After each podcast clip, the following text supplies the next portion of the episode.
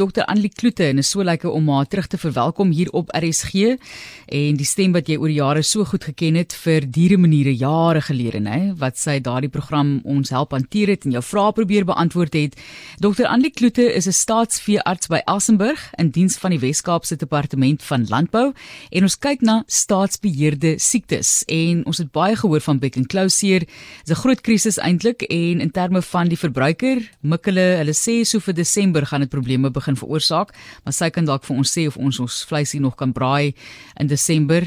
Vreeslik, as mense ook dink aan die ellende wat die arme diere ervaar met hierdie Beck and Closure. Baie welkom dokter. Baie dankie Martelies. Dit is heerlik om terug te wees saam met jou. Kom ons gesels oor die titel staatsbeheerde diere siektes. Hmm. Watter diere val onder daardie status? Ja, weet jy, dit is 'n um, 'n term wat ons gebruik beheerde diere siektes vir wat in terme van die diere siekte wet wat hier uit 1984 dateer, uh ge, gespesifiseer is. Nou daar is 'n hele lys van hulle, Martelies, omtrent 34 en Ehm um, daar's 'n 35ste kategorie vir enige siekte wat nie in die land uh, teenwoordig is nie en inkom ons hele ehm um, uh, veestapel en ons diere populasie sal vatbaar wees en daardie siektes kan dan ook geklassifiseer word uh, as 'n uh, uh, beheerde diere siekte. So ehm um, dit kan enige spesies dier wees en uh, soos ek gesê dis daar's daar's 'n hele lys van hulle. Miskien kan ek net vir jou 'n bietjie inligting gee. Ehm um, vir seker meer as die helfte van hierdie siektes is vir beeste en skape en varke. So ons ons algemene produksiediere of plaasdiere. Ehm um, en dan is daar ook uh verskeie wat gedek word deur wild.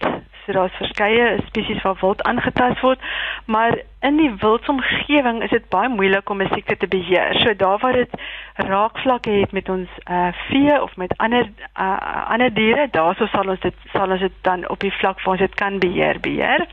En voorbeelde hiervan is siektes soos byvoorbeeld miltsiekte en voëlgriep Ehm um, en en ehm um, so, so ons kan nie uh, uh die voëlgriep in 'n wilde populasie beheer nie, maar ons kan dit wel in hoenders en volstruise beheer. Ehm um, en dan is daar ook 'n klompie vissiektes en dan ook troeteldier siektes. Die belangrikste een natuurlik ehm um, hondstolheid ehm um, en seker so vier siektes wat ook spesifiek op voëls van toepassing is. So dit is aan die lys van siektes en spesies wat betrokke is by ons beheerde diere siektes in Suid-Afrika. En ons fokus volgende op Beck and Closure en Dr. Annelie Kloete gesels verder. Dokter, jy sê daardie siekte tik al die vier blokkies wat jy genoem het. Kan jy dit net vir ons daardie herhaal? Ehm um, ja, weet jy, ehm um, maar lief, ek is nou nie seker ehm um, wat jy alles gehoor het nie, maar die, die daar's ons ehm um, omtrent 34 verskillende siektes wat eh uh, beheerde diere siektes in Suid-Afrika is. En dit is onder meer as die helfte onder beeste, skape en varke en dan is daar 'n paar by uh, visse en voëls en ehm um, dan ook by ons troeteldiere en perde sal ook ook insluit by ons ehm um, uh, geselskapsdier kategorie. Maar ehm um, uh as jy as jy wil weet hoekom is dit belangrik dat dat diere siektes wel as beheerde siektes beheer word, kan ons miskien kyk daarna. En ek dink dit ja. dit is ehm um, die een belangrike rede en ek dink dis waarskynlik een van die mense eh, die beste sal verstaan is is die risiko van siektes ag dat hierdie siektes dalk siekte in mense kan veroorsaak. Ons noem dit 'n zoonose. En dikwels as jy die siekte in die diere beheer, dan word die mense beskerm. 'n Baie goeie voorbeeld hiervan is hondstolheid. Ja. Ehm um, dis 'n siekte van soogdiere waarvan mense natuurlik ook een is en ons word gewoonlik blootgestel wanneer ons gebyt word uh, of gelek word deur 'n hond wat dol is. Dis dis die mees algemene rede. En um, as mens wêreldwyd kyk na na hierdie tipe siektes, um, ek verstaan daar's iets soos 150 lande in die wêreld wat besmet is met honde-hondstolheid. En jaarliks word daar gemiddeld so 60 000 mense siek en dit is ongelukkige siekte wat dodelik is. Ehm um, maar party jare tot soveel as 160 000 mense wat sterf van hierdie siekte. Dit is 'n geweldige belangrike siekte en ook in Suid-Afrika dan een van die diere siektes wat beheer word deur hierdie wet. Um, 'n ander rede sal wees dat die siekte baie aansteeklik is en baie vinnig versprei en ons ons populasie is vatbaar. Ons het nie altyd 'n enstof beskikbaar om die populasie se immuniteit te verhoog nie. So hierdie sal 'n baie goeie rede wees, 'n uh, baie aansteeklike siekte wat vinnig versprei. 'n volgende een is natuurlik die risiko wat dit vir ons landbouindustrie inhou en die negatiewe negatiewe effek vir wat dit op uh produksie van diere het. Hulle hulle sal byvoorbeeld 'n koersreaksie in die wol sal breek of die melk sal sal sal melkproduksie sal val. Ehm um, of die wanneer diere byvoorbeeld koors het of hulle hulle gaan dood of die kleintjies gaan dood of hulle aborteer en dit het 'n geweldige effek op die die vermoë van ons land om te voorsien en voedsel voedsel uh ehm um, ehm um, veiligheid en voedsel ehm um, sekuriteit te kan verskaf vir ons land. So dis 'n belangrike rede. 'n Ander een is die impak wat dit op handel het en uitvoere van diere en vars diereprodukte ons ons land en ook hier in die Weskaap het, het ons 'n geweldige groot uitvoermark en en op hierdie stadium staan goederes as gevolg van of kan die uitvoer nie plaasvind nie as gevolg van die uitbreek van just back in close water as net gesels het. En ehm um, en dit vat baie keer ongelooflik baie ehm um, uh bronne of of of uh, bewyse dat ons land wel vry is van hierdie siektes as ons wel wil uitvoer. So dit is belangrik dat ons hierdie siektes beheer. En soos jy reeds genoem het, ek en Klausie is 'n baie baie goeie idee en, en ek wil graag um, een van my kollegas Dr. Wende Plessis aanhaal. Hy is al meer as 30 jaar daar in Mpumalanga staatsfiat in die bekkenklauseer beheer area waar die siekte wel normaal uh, voorkom as gevolg van die feit dat bevolse draer uh, en um, van die siekte is. Maar wat dalk nie self siek nie, maar dit skei die virus uit. Ehm um, en hy het 'n baie baie interessante ding gesê en gesê dat as boere dit kan regkry om ehm um, of of as ons die siekte kan beheer in beeste hierdie spesifieke Suid-Afrikaanse ehm um, uh stamme van die van die Bergenklausie uh virus gaan ons die siekte ook in in 'n beheer in Suid-Afrika. So so dit is dit is baie baie ehm um, uh waardevol dat hierdie spesifieke stamme alhoewel dit byvoorbeeld 'n siekte is wat alle spleethoewige diere kan aantas as dit eers in beeste is en ons beheer dit in beeste dan kan ons dit beheer.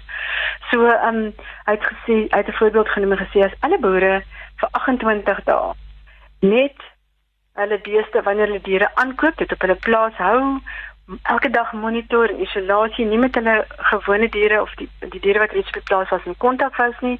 Ehm um, toetse doen, dat hulle veerts kyk, vir help om te behandel wat nodig is. En dit is eintlik vir enige vee, nie net vir beeste nie, maar as elke boer dit kan doen net vir 28 dae, daai bietjie kans gee en kyk uh, dat die siekte dat daar geen siektes is nie, gaan ons waarskynlik meeste van die siektes wat vir ons belangrik is van ons laat raak in die land. Nou, nou die rede hoekom ons by 28 dae uitkom, um, maar maar te lees is ehm um, byvoorbeeld vir back and close hier. Ehm um, die inkubasieperiode is 14 dae maksimum. Ehm um, en as ons eh uh, siefers net vir beeste aankoop en jy jy koop hulle by 'n plaas en en hulle ry verby 'n ander plaas waar daar nog diere opgetel word ehm um, op pad na jou plaas toe. Ehm um, en een van daai diere wat wat nou op die roete opgetel is, het dalk black back and closer en hy dra dit oor na een van jou beeste wat nou na jou plaas toe kom. Ja. 14 dae later gaan hy in daai tyd gaan hy die eerste keer vir ons wys dat hy baie closer is. En in daai tyd het hy 'n paar ander diere aangesteek. En van daai wat op hy laaste dag aangesteek het, daai van daai diere gaan dan eers 14 dae later begin om te wys dat hy baie closer is. So ons praat van 'n dubbel inkubasieperiode en as ons dit reg gekry het om as diere te 'n populasie te kan bewys dat hy vry is van 'n siekte vir 'n dubbel inkubasieperiode is ons het ons kanse is ons kanse uitstekend dat ons vry is van die siekte. So as elke boer dit kan regkry en almal saamwerk, dan gaan ons hierdie siekte wen. Maar hoe kry ons dit reg maar dit? Hoe kry ons dit reg dat almal dit saam met ons doen? Enige idees? Sjoe. Wat kan ons doen? Dit is baie moeilik en dit bring ons by die vyfde rede uit. Hoekom ons diere as beheerde siektes uh, program uh, of of of klassifiseer.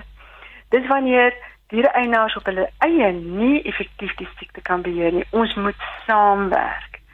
Dit dit vereis aansienlike bronne en ehm um, en en infrastruktuur en samewerking om dit reg te kry. En dit is die vyfde rede hoekom siektes wel geklassifiseer word, diere siektes as beheerde diere siekte. Ek moet sê ons is mos maar leuke ons is maar net iemand wat in die winkel toe gaan en maar ons pakkie vleis gaan koop, die wat wel vleis eet en dit mm. nog kan bekostig, dokter. Dit raak nogal bietjie ja. rof. Baie dankie vir die werk wat julle ook natuurlik doen, maar voordat ek vir jou groet, net wat is die verwagting dink julle vir die verbruiker in die komende paar maande en soos ek vroeër genoem het en ons hoor gaan Desember blykbaar 'n probleem wees. Is dit wat julle ook voorspel? Ja, weet jy, uh, aan die ekonomiese kant sit ek nie regtig, het ek nie regtig baie um, invloed en insette nie, maar ek weet dat so 'n siekte ekonomiese enorme impak het. Natuurlik as die beeste nie kan beweeg nie en ehm um, en hulle produksie is verlaag, dan gaan ons ongelukkig aan die verbruikerskant die die prys daarvoor betaal. So ehm um, hoe vinniger en hoe meer effektief ons hierdie siekte kan beheer en van kan ontslaa raak in ons beheerareas, hoe beter vir ons almal. Vind julle dat mense die reëls volg? Dit is nou die interessante interessante deel daarvan Martelies. Ehm um, die die minister kan beheermaatreëls ehm um, afkondig en wanneer mense dit nie doen nie, dan het hierdie wet die vermoë om mense te laat vervolg. So ek dink waarskynlik is 99.9% van ons mense wetgehoorsame burgers en hulle werk saam en hulle doen die regte ding. Maar die wet vereis ook dat mense um moet aanmeld en hierdie nuwe regulasies het definitief baie pertinent dat as enigiemand van onwettige aktiwiteite bewus raak, moet hulle die polisie en spesifiek die veediefstal eenheid sowel as hulle lokale staatsveearts wat weet en ons is besig om daai gevalle op te volg.